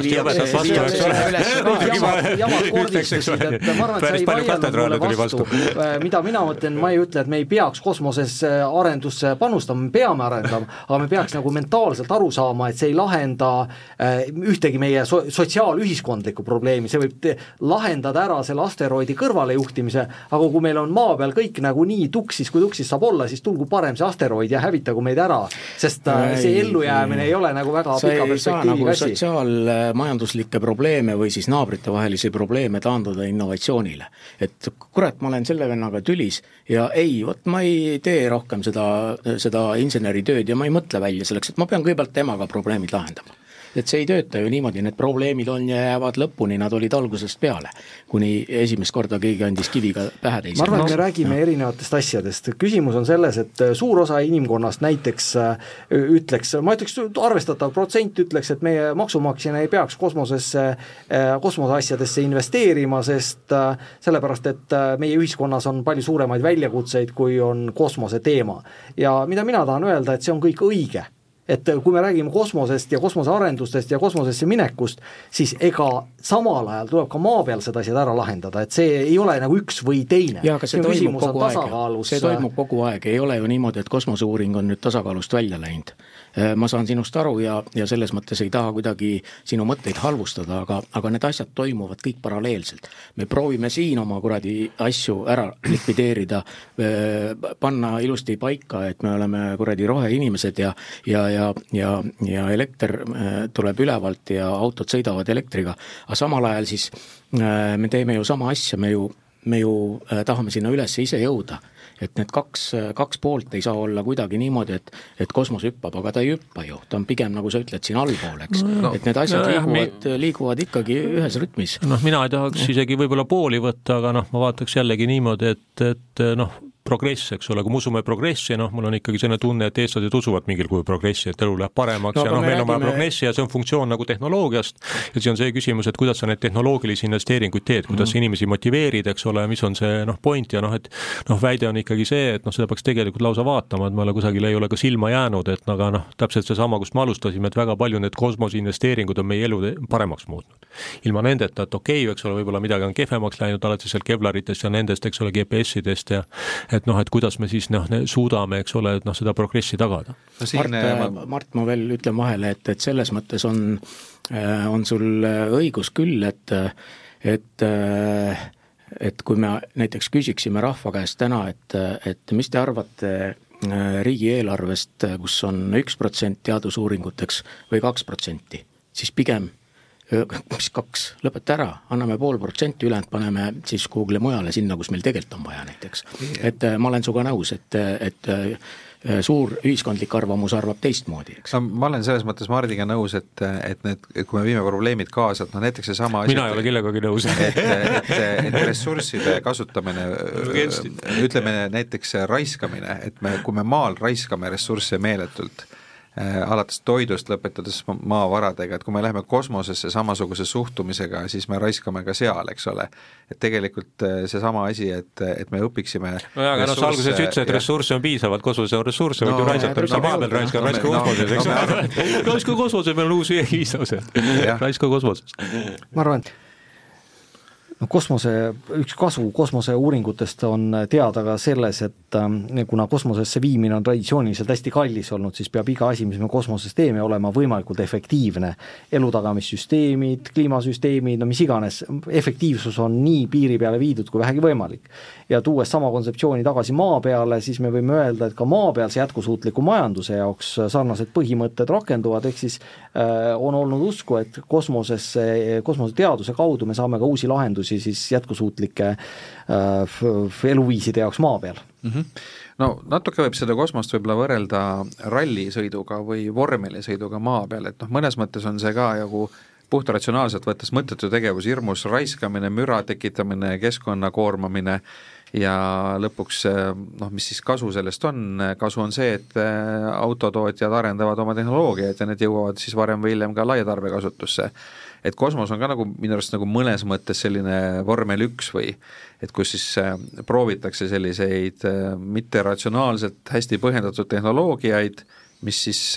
juhul, kui nad tööle hakkavad, jõuavad meie köökidesse ja vannitubadesse ühel päeval no ma ei tea, kas ma sellega nüüd sada protsenti nõusse jääksin, sest ka tegelikult kosmoses on otsene pragmaatiline reaalne kasu. Noh, näiteks võtame sellesama GPS-i, seesama, need investeeringud, mis on võimaldanud meile positsioneerimise, see, selle, selle kasu on otsene ja väga suur, noh kindlasti nagu triljonites iga aasta, palju me säästame loodust ja kokku hoiame tänu sellele, et me teame paremini asjade asukohta ja saame paremat logistikat planeerida. Mm. -hmm aga selle GPS-i puhul nüüd äh, sinna otseselt ju investeerida ei oleks saanud, et see on USA sõjaväe äh, projekt algselt, eks ole, et et, et see ei ole nagu mingi eraalgatus no,, jah? no vot, ma ei tea, eks ole, kui sa Lockheed Martinit või noh, neid nagu sõjatööstusettevõtteid, noh neid sa saad kõiki ju iseenesest nagu osta, eks ole, et ma ei usu, et tegelikult, et USA ju noh, ta annab need ikkagi lepingud, annab nendele noh, ettevõtetele, McDonald no,, Douglasile ja noh, nendele nagu neid sa saad, need on ju börsil listitud. see on nagu detailplaneeringuga, et see on riigi monopol või, või kohaliku nojah, eks ole, täpselt, eks ole, see kasutamine ja on, aga noh, et kes see kasutab. välja, kui ta otsustab niimoodi, et, et ta jagab ja ta jagas välja, eks Muskile, et sa võid seda interneti sealt pakkuda, eks. Et ma, ma täpselt ei tea, kui seaduslik see nüüd oli, et kui ma tahan, tahan täna lasta üles õhku seda satelliiti, et ta annaks mulle internetti, kas ma võin seda teha ilma riigi teadmata või riigilt küsimata, eks ma seda ei oska öelda, aga ma arvan, et et see asi ikkagi kuulub riigi prioriteetide hulka või riigi õiguste hulka. riik jagab mingeid asju välja, äh, mis kuulub temale ja, ja, ja noh, või kas või minu, minu tegevus mõni aasta tagasi, kui me Saaremaa silda siin tegime, et et tahan, teen silla, eks, ja kopp sisse ja teen silla valmis, eks, ei, ei, ei, nii ei käi see, eks. riik, riik peab sulle loa andma selle jaoks aga nüüd äh, rääkides sellest konkreetsematest äh, ärivõimalustest, siis äh, sa mainisid, Mart, alguses seda, et Eesti võimalused ei ole mitte niivõrd laial rindel, kuna meil ei ole, ei ole seda massi ja, ja ressurssi nii palju, vaid just leida need nišid, mis meile sobivad ja, ja minna siis mõne suuremaga kaasa ja, ja olla, olla seal tegija, et mis need sellised konkreetsemad nišid täna Eesti jaoks võiks olla, kus, kus me saaksime oma tugevusi ära kasutada on paar äh, konkreetset näidet, kus juba Eesti kosmosevaldkonna ettevõtted on edukad, äh, küll äh, esialgu veel väiksel skaalal ja võib-olla üks meediast ka käis läbi selline väike ettevõte Crystal Space, endised S-Cube'lased, siis S-Cube'i kaamerasüsteemi edasiarenduse baasil on nüüdseks arendanud välja niisuguse kosmosekaamerasüsteemi toote, mida praeguseks noh, ma ei saa nüüd rääkida kõigist nende tehi-, tehingutest, aga aga eh, fak-, uudistest on läbi käinud, et vähemalt ühel kuumissioonil on Eestis tehtud kaamera, eh, pardakaamera, mis siis eh, aitab robotkäe operatsioone monitoorida. Ja seal on potentsiaali äri tegemiseks, aga see potentsiaal on noh, see ei skaleeru, sest palju neid kosmoseroboteid sinna Marsi peale ikka või Kuu peale läheb, teine näide on Kapatseta. Kapatseta, mille asutas Kaupo Voormansik, üks äh, noor aktiivne kosmosedoktor, kes äh, ka S-Cube'ist äh, pärit, kes nüüd on, teeb kaugseireettevõtte ja nende firma oli see, kes siis automatiseeris PRIA põllumajandustoetused siis niitmise detekteerimise ja see on konkreetne näide, kus äh, võis äh, palju äh, inspektoreid saata tootvale tööle, sest kosmosepiltidelt oli võimalik saada vähemalt suure tõenäosusega hinnang, kas põllumees on oma lubadusi täitnud või ei ole. ja nüüd Kapaceta puhul on ju, nad on avalikult rääkinud oma uutest ambitsioonidest, kus nad tahavad kas kosmosesektoris panustada ka uute satelliitidega, mille kaudu sa-, siis suurendada oma toote ja teenuse kvaliteeti maa peal siis ka metsanduse ja kliima kliimamuutuste mõistmiseks vajalike protsesside monitoorimisel, kus on minu meelest täiesti ükssarviku potentsiaali, nii et äh, ja see põhineb nende kõrgel teaduslikul kompetentsil, neil on, neil on uued lahendused, mida teistel ei ole ja mis tulevad läbi teadus-arendustegevuse, kus on, mis näiteks Kapaceta puhul on äh, olnud hästi tugevalt seotud Tartu Observatooriumis tehtud teadustööga, ja, ja selliste, sellised noh, lisaks näiteks Space'it, Space'it äh, ettevõte, kes tegeleb siis äh, missioonijuhtimissüsteemides küberturvalisuse lahendustega. äh,, nii et järjest tuleb nüüd selliseid startup'e, kellest mõni võib kosmosevaldkonnas osutuda ka suureks tegijaks tulevikus. nojah, ma ise, ise olen siin noh, tegelen natukene ka selle Vaal, Vaal Airshipsiga, noh, mis ei ole küll päris nagu kosmos, aga noh, nemad on ka sellised siis dirižaablid seal kahekümne, kahekümne kilomeetri kõrgusel ja seal on ka väga palju tegelikult nagu praktilisi nagu rakendusi ja noh, see on see, et noh, nüüd ütleme, et vist Airbusil oli juba see väike droon, mis seal kahekümne peal, kahekümne kilomeetri peal noh, nagu noh, kahekümne kilomeetri kõrgusel lendab, nad peavad hästi kerged olema, nad saavad ainult viis kilo noh, nagu ka kaasa võtta, aga no siin on päris palju selliseid startup'e noh, täitsa nagu olemas, et noh, kuhu kannatab, kuhu kannatab investeerida, noh kui mõelda veel, eks ole, mida saab teha, noh millest ka Marshall tegelikult räägib, on ütleme, et siis inimkoe ja inimorganite noh, nagu digitaalne printimine, noh mida kosmoses on palju lihtsam teha, noh madala gravitatsiooniga või noh, seda tehnoloogiat täpselt ei tea, aga noh, väga palju tegelikult praktilisi noh, nagu rakendusi, mida sa saad kosmoses teha, noh mida maa peal on raske teha, et. ja noh, sealt edasi noh, öeldes, et jah, et Eestis on meil ka ikkagi päris palju selliseid võib-olla noh, nagu kohti, kuhu investeerida. Raivo, kui, kui palju sinu poole on pöördutud äh, ettepanekuga investeerida mingisse kosmosega tegelevasse ettevõttesse? ma mõtlen just siin Eestis, et ilmselt äh, sulle neid kirju postkasti tuleb omajagu, kes, kes kõik raha küsivad. ja tuleb küll, ei saa salata, et ei tule aga, aga Eestis tõesti ei ole selliseid, mul kohe otseselt meelde ei tule, kui ainult seesama Est-Cube kunagi küsis mult raha ja ma arvan, et ma isegi natukene toetasin äh, neid, äh, aga ei, ei Eestist ei ole tulnud, aga on tulnud väljamaalt küll, jah väljamaalt on tulnud. mis sa oled öelnud neile? Äh, sa oled, rääkisid siin midagi dirižaablitest, siis mingi asi, mingi firma, kes tahtis õhupalliga inimesi üles viia, eks, päris kõrgele no,. et või, või vesinikupalliga või ma ei tea, mis heeliumipalliga, eks, et äh, siis sellised mõtted olid. aga, aga kui sa küsid mult, et, et, et kas ma võtaksin nendest asjadest kinni, siis, äh, siis ma esiteks ma ei saa nendest kinni võtta, selleks ma olen andnud lubaduse, et ma ei investeeri startup idesse. selleks, et ma ei leia üles seda õiget kui sa tahad sinna raha panna, siis sa pead olema niivõrd rikas, et sa tead, et ta põleb sul ära.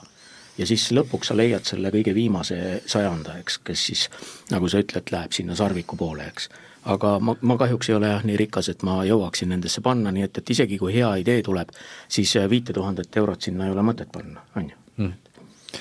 aga mis äh, lisaks nendele Eestis nimetatud äh, asjadele, mida, mida Mart loetles, nüüd globaalses plaanis, et, et kui prooviks ennustada nüüd lähi, lähitulevikku, et mis, mis valdkonnad täpsemalt kõige suurema potentsiaaliga oleks, et et no ühes otsas on need kaevandamised, ressursside hankid asteroididelt või kuult, teises otsas on sellised natuke maapealsemad asjad, mis on seotud siis seire ja sidega et, et, et mis, mis veel on, et, et mis võiks olla sellised valdkonnad, mis äh, nii-öelda hoomatavas lähitulevikus äh, tõelise hoo sisse saavad just kosmosega seonduvalt? mulle, mulle hüppab kohe pähe, et, et äh, kui me sinna üles tahame lõpuks minna, et kaevandused teevad ära robotid meil selle töö mm, -hmm. aga kui me Marsile tahame minna, siis meil on mida vaja? süüa mm. -hmm. meil on vaja süüa kartulit saab marsil kasvatada no,, nagu me teame kuulsast filmist. et, et, et küllap on, küllap on see üks valdkond, eks, et kuidas sa seal üleval ikkagi seda kõike teha saad ja, ja nagu me ikka teame, siis äh, selline taimeteadus on seal orbiidil päris, päris aktiivne ja, ja päris levinud, et, et vaadata, kuidas kuidas nad seal kasvavad nendes tingimustes ja aga, aga kõik, mis selle taustal on olgu need äh, kas või needsamad, äh, kes see ütles, äh, printerid, mis hmm. no, inimorganite ja inimkoe printerid, mis sul prindivad ka toitu välja, kui on vaja ja nii edasi ja nii edasi. et noh, see võib tunduda ulme aga, aga ükskord jälle me jõuame nagunii sinna. noh, et üks asi, mida ikkagi ju kosmoses on palju, on noh, energia erineval kujul, et noh, et sul on, ütleme, et noh, päiksest tuleb ja noh, seda päikesepaneelide Äripäev ka kirjutas tegelikult selle pika loo, noh, mis on ka see vana asi, et noh, sa paned need päikesepaneelid siis sinna noh, nagu tiirlema kuidagi, siis üritad seda maale noh, nagu nende kiirata, kiirata jah, eks ole, et noh, ma ei tea, kui kaugel see nagu on, et noh, ma ei oska ka öelda, ma ei oska tehnoloogiliselt nagu hinnata, aga noh, see vähemalt kõlas jah, et et noh, et sa mingil kujul saad seda teha ja noh, sul on tegelikult ikkagi päris palju erinevat energiat, sul on päikeseenergiat, sul on tumeenergiat, et noh, et on, kosmos on tegelikult noh, paksut energiat täis, eks ole, noh, massi ja noh, kui seda saaks kuidagi, kui me ütleme, et meil on maa peal noh, energiapuudus, noh siis, siis ükskõik, kui ka noh, sõidad natukene nagu sada kilti ülesse või noh, paarsada kilti ülesse ja noh, no tumeenergia äh, äh, korri-, kokkukorjamisega ilmselt läheb natukene veel aega, eks, aga aga, aga päike aga, on ikkagi no, see, mis meil esialgu kogu, kogu seda tegevust toidab. suur raha on minu hinnangul kõige rohkem ikkagi kosmosesides, see see äh, teoreetiliselt on võimalik ju, et äh, nüüd Starlink ja tema võistlejad äh, tekitavad olukorra, mida mobiiltelefon tekitas juhtmega telefonidele. et äh, muutub äh, odavamaks sidet pidada läbi kosmosevõrgustiku kui läbi mo-, mobiilbaasjaamade investeeringute. kui see juhtub, siis kas te olete mõelnud, mida see tähendab praeguses seisus, kui kogu maailma side on ühe inimese kontrolli all? See tähendab seda, et äh, neid kõiki ulmestsenaariume äh, noh, ei olegi võib-olla nii palju nii karme stsenaariume, mida see tähendaks inimkonna jaoks. ja see on ka üks põhjus, miks näiteks, ma ei tea, no ma ei ütle, et see on põhjus, aga kui ma lihtsalt spekuleerin, siis miks näiteks Amazon oma,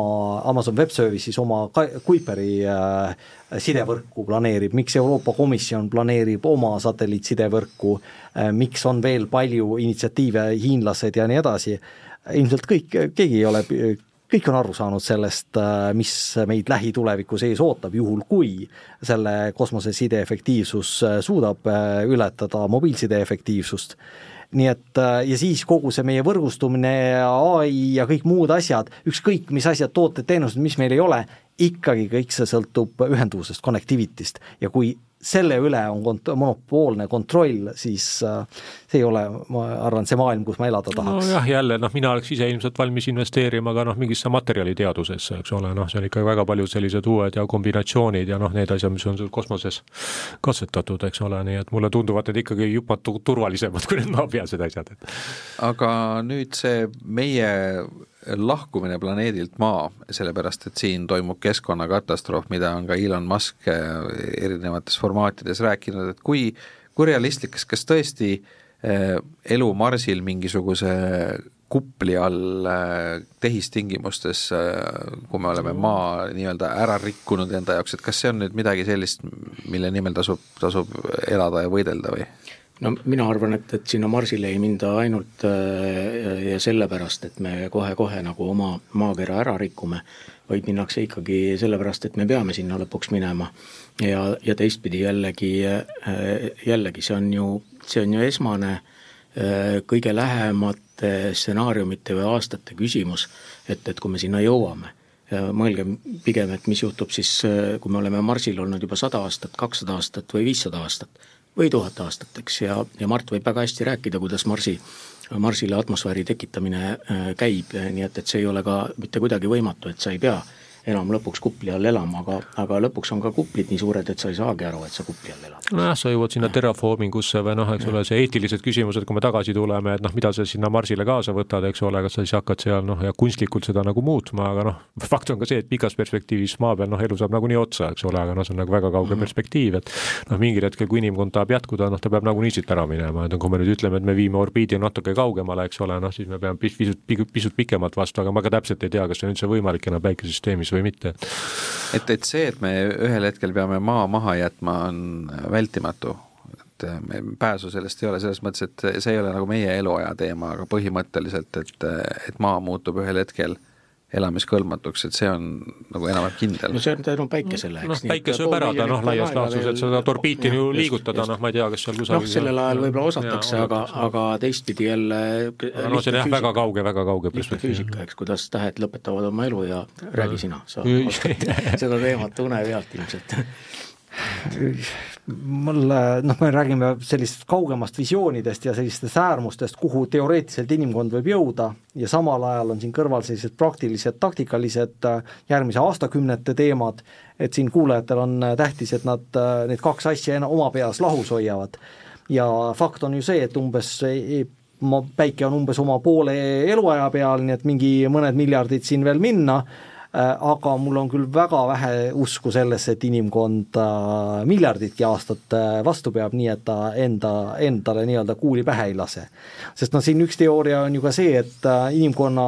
nagu võimekuse ülesehitamine on tulnud siis kergelt kättesaadavate ressursside baasil. Ja kui nüüd inimkond omale käkki keerab äh,, tekitab totaalse kliimakatastroofi, ükskõik kas tuumesõja või siis, või tuleb asteroid või mingil muul põhju-, mingi pandeemia põhjusel, et me, ja me kaotame oma fundamentaalsed teadmised äh,, näiteks äh, kui me oleme läinud digiruumi ja siis see digiruum hävib, siis äh, sellest olukorrast võib juhtuda, et inimkond ei ole enam võimeline uuesti nii-öelda kiviajast välja ronima, sest äh, ressursse pole enam kergesti kätte no, saada. aga noh, ma oleks noh, siis tagasi selle juurde, et kui me ainult nagu taktikalist vaatame, noh, miks siis inimkond nagu elus püsib, eks ole, noh, me jõuame siis noh, sellise ikkagi noh, nagu religioosse mõtlemise juurde ja noh, et et kust see religioon tuleneb, eks ole, noh, ilmselt, eks ole, et võib-olla religiooni need teoreetikud ütlesid väga palju ka kosmosest, eks ole, sa vaatad seda suurt pilti, vaatad tähti ja noh, eks see annab sulle lootust, et elu läheb edasi ja noh, nii edasi ja kui sa investeerid, eks ole, noh, okei okay,, sa võid öelda, et sa investeerid kümne-kahekümne aasta perspektiivis, no sa võid mõelda oma lastele, sa võid mõelda oma lastelastele, eks ole, noh, sellises perspektiivis ka, eks ole, noh, jaapanlased või keegi ütleb, eks ole, et noh, mõni investor ütleb, et ta investeerib saja aasta perspektiivis, noh, võib-olla jaapanlane või keegi, ma olen kuulnud, et keegi räägib tuhandeaastasest, eks ole, noh, perspektiivist, et sa võid ka väga pikema, noh, perspektiivi võtta no,, mis eeldab sellist elu jätkuvust. et, et tuhandeaastane inimene on juba sündinud tänapäeval, siis, siis ja, on see täitsa kes see on? kes teab, kes see on, aga, aga seda öeldi juba kümme aastat tagasi, et, et, et see inimene võib olla sündinud ja umbes kahe-kolmekümne aastane olla. Aga, aga ma ei tea, kas noh, ja see ilmselt, eks ole, noh, niipea kui me jõuame sellisesse mudelisse, noh siis ma arvan, et väga palju need ressursiteemad kaovad noh, tegelikult nagu ära, et kui sul on piiramatu elu või väga palju pikem elu, noh siis siis kogu see inimkond muutub ja noh, mina oleksin jällegi noh, nagu optimist, optimist selles mõttes, et noh, need ressursid on ikkagi väga selline, aga noh, jah, need et noh, kosmos annab meile mingi sellise võib-olla nagu tähenduse, et noh, või galaktilise vastutuse, eks ole, noh, öelda. no need tänased kliimaprobleemid, mis meil planeedil Maa on, ei ole ka lahendatavad nagu ühe riigi piires, et need on äh, sellised äh, riikide ja rahvaste ülesed äh, probleemid ja see oli vist Michio Kaku, kes rääkis nendest erinevatest tsivilisatsiooni tasemetest ja, ja tema, tema teooria järgi siis äh, see järgmine tsivilisatsioon, kuhu me siin maa peal peaks jõudma, oleks see planeediülene tsivilisatsioon, et me saaksime ühiselt lahendada siis kõigepealt planeedi probleeme ja siis võib-olla ka ühisete jõududega kosmosesse liikuda, aga me sinna pole veel jõudnud ja tema tema mõttes oli, oli huvitav see, et meil on tegelikult nagu paar üksikut valdkonda, kus me oleme suutnud äh, planeediüleselt ka midagi teha, üks nendest on jalgpall näiteks. et, et ja teine oli popmuusika, et, et on, on kohti, kus nagu inimesed eri maakeera nurkades suudavad rääkida ühistel teemadel, neil on ühised huvid ja suudavad ka leppida kokku näiteks mängureeglites, et et isegi Iraan ja Iisrael, ma ei tea, kas nad on jalgpalli, Armeenia ja Aserbaidžaan on küll mänginud, et et nad suudavad väljakul see üheksakümmend minutit vastu pidada ja ühtede reeglite järgi mängida, see annab lootust, et äkki siis suudetakse ka muudes küsimustes kunagi kokku leppida ja, ja ühiselt asju ajada. kui, äh, kes see ütles antiikajal juba, et leib ja, leib ja tsirkus, eks, mida rahvas vajab, et äh, üks ei saa eksisteerida ilma teiseta ja, ja kui sa räägid siin jalgpallist äh, ja popmuusikast, siis see on äh, tsirkus. ja, ja seda saab nautida siis, kui sul on kõht täis. aga kui sul on kõht tühi, siis sa pead keskenduma mitte jalgpallile, vaid sellele, et sa saaksid edasi elada ehk oma nii-öelda toitu hankida, mis siis tähendab kaudselt seda, et sa pead midagi tegema, kuhugile minema, edasi arenema, eks. ja siis sa saad alles tsirkust pidada aga see, see globaalne koostöö ikkagi, mõelge, kui palju jaa, aga siis, siis ongi niimoodi, et kui kõik globaalselt ongi näljas, siis nad peavad midagi te tegema koos, eks et, et no, nojah, ma siin korra veel noh, nagu täiendaks, eks ole, hüppaks hoopis teise kohta, aga noh, et ütleme jah, mis on see, mul on siin laua peal ka see Kraussi raamat, noh, mis Kraus räägib sellest elust ja üldse noh, inimkonnas ka niimoodi, et noh, et väga oluline on see, et kui me peaksime mingi teise elu leidma, et noh, mis tüüpi elu see on, eks ole, kui ta on samasugune, kui noh, ta nagu maa peal, eks ole, siis see meile mingit täiendavat teadmist ei anna, noh, see on võib-olla siis selline noh, et lihtsalt elu levimise teooria, kui ta on hoopis teistsugune, siis noh, tema jõuab järeldusele, et see elu on universumis noh, nagu see on mingi mingi protsessi osa, et me võimegi selle eluni noh, nagu niipidi jõuda ja noh, siis me jõuame selle väga küsimusele, et et noh, et siis jah, et Mardile, eks ole, kas siis inimkond vajab nagu säilitamist või noh, midagi taolist, et noh, et kui elu on nagu universaalne, et noh, et me jõuame eluni mingite noh, selliste füüsikaliste protsesside alusel, noh nagunii. Et on suhteliselt suur tõenäosus, eks ole, et see elu tekib, eks ole, aga noh, ilmselt ei ole päris selline inimnäoline, et et noh, see on nüüd nagu see küsimus, et noh, et kui unikaalne meil see elu, elu tegelikult on, et no meil on siin äh, optimistlikumaid ja pessimistlikumaid noote, aga minu arust Mart on täna silma paistnud sellega, et ta on olnud kõige optimistlikum, et Oho. kuna meil nagu pessimist on kõlanud. kui, äh, kuna meil saate hakkab läbi saama, siis äkki, äkki ma paluks Mardil võib-olla lõpetuseks paar sellist optimistlikku nooti äh, öelda selle kohta, et, et mis paneks sind uskuma, et et me suudame ikkagi inimkond siis ühiste jõududega äh, kosmoses toimetada edukalt eh, ilma seal midagi ära rikkumata ja, ja sellest endale inimkonnana kasu saada, et eh, mis, mis, mis lootus meil on? no üldiselt ikka enne, enne, enne Koitu on, on kõige pimedam öö ja eks kõige külmem. Ja, ja külmem. Ja seda,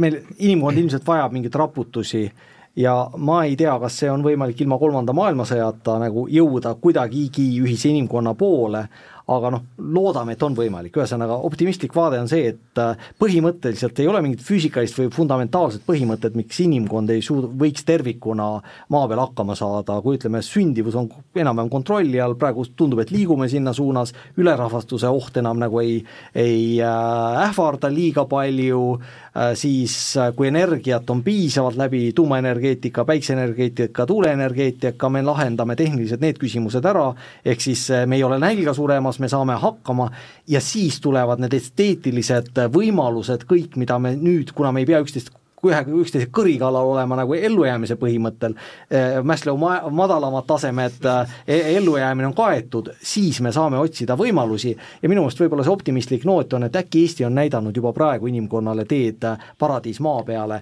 sest eh, mis võimaldaks selle koostöö, on tegelikult tänapäeva digilahendused ja, ja ühine digigovernance, kas võib-olla Eesti on näidanud seda teed, kuidas iga inimene võib olla otsustusprotsessiga lähedases seoses, kuidas inimeste arvamust on võimalik kuulda läbi digitaalse identiteedi, Eesti on näidanud, et kui ma õigesti mäletan, kas see oli kolm protsenti SKP-st, mida see digilahendused üldiselt Eesti jaoks on kokku hoidnud, äh, mis kõlab minu meelest väga realistliku su-, äh, numbrina, ja kui me nüüd vaatame, kui, kui tänu Eesti kogemusele järgmise, ütleme, saja aasta jooksul, eh, ma ei ole väga optimist ajahorisondi osas, aga muu maailm suudaks leppida selle digiidentiteedi ja, ja ühenduvusega, siis me saame rääkida võib-olla ka sellest ühtsest inimkonnast, inimkonnast, kus tegelikult ei ole vaja enam meil parlamente sellisel kujul nagu täna, kus inimesed tulevad kokku lihtsalt sellepärast, et külameestel oli liiga kaugel minna, et asja arutada, aga chatist me... saab uus, uus peaminister, küll sa näed äh,. miks mitte ja me ei pea ju, ju ka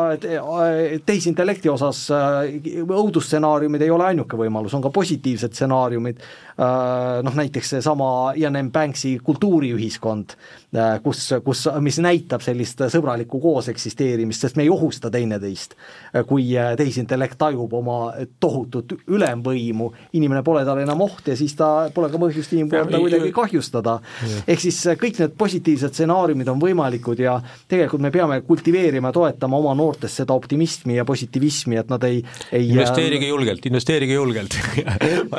läheb hästi. investeerimine on ka tähtis, sest aga mitte, mina ei investeeriks oma raha väga kauge perspektiiviga kosmose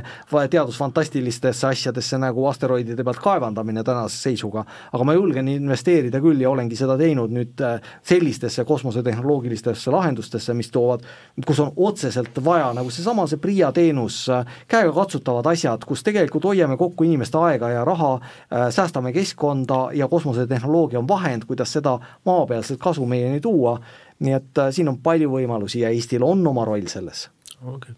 no väga tore, väga Aitäh. tore olen küll tahtmine mingit negatiivset arvamust kuulata, aga see on vist õige koht lõpetada. ma olen veel, ma olen veelgi vingem oh, veel optimistlikum, veel, veel optimistlikum. Et, et ma, kui sul jäi mulje, et ma olen pessimist, siis vastupidi, ma olen väga optimist, nii et, et küll me jõuame igale poole ja, ja, ja, ja läheb täpselt nii, nagu minema peab. siinkohal lõpetame, te kuulasite saadet Investeerimisideede universum, stuudios olid professor Mart Noorma, Hanno Lindpere ja Raivo Hein, mina olen saatejuht Ando Sinisalu ja selle saate tõi teieni KPMG Estonia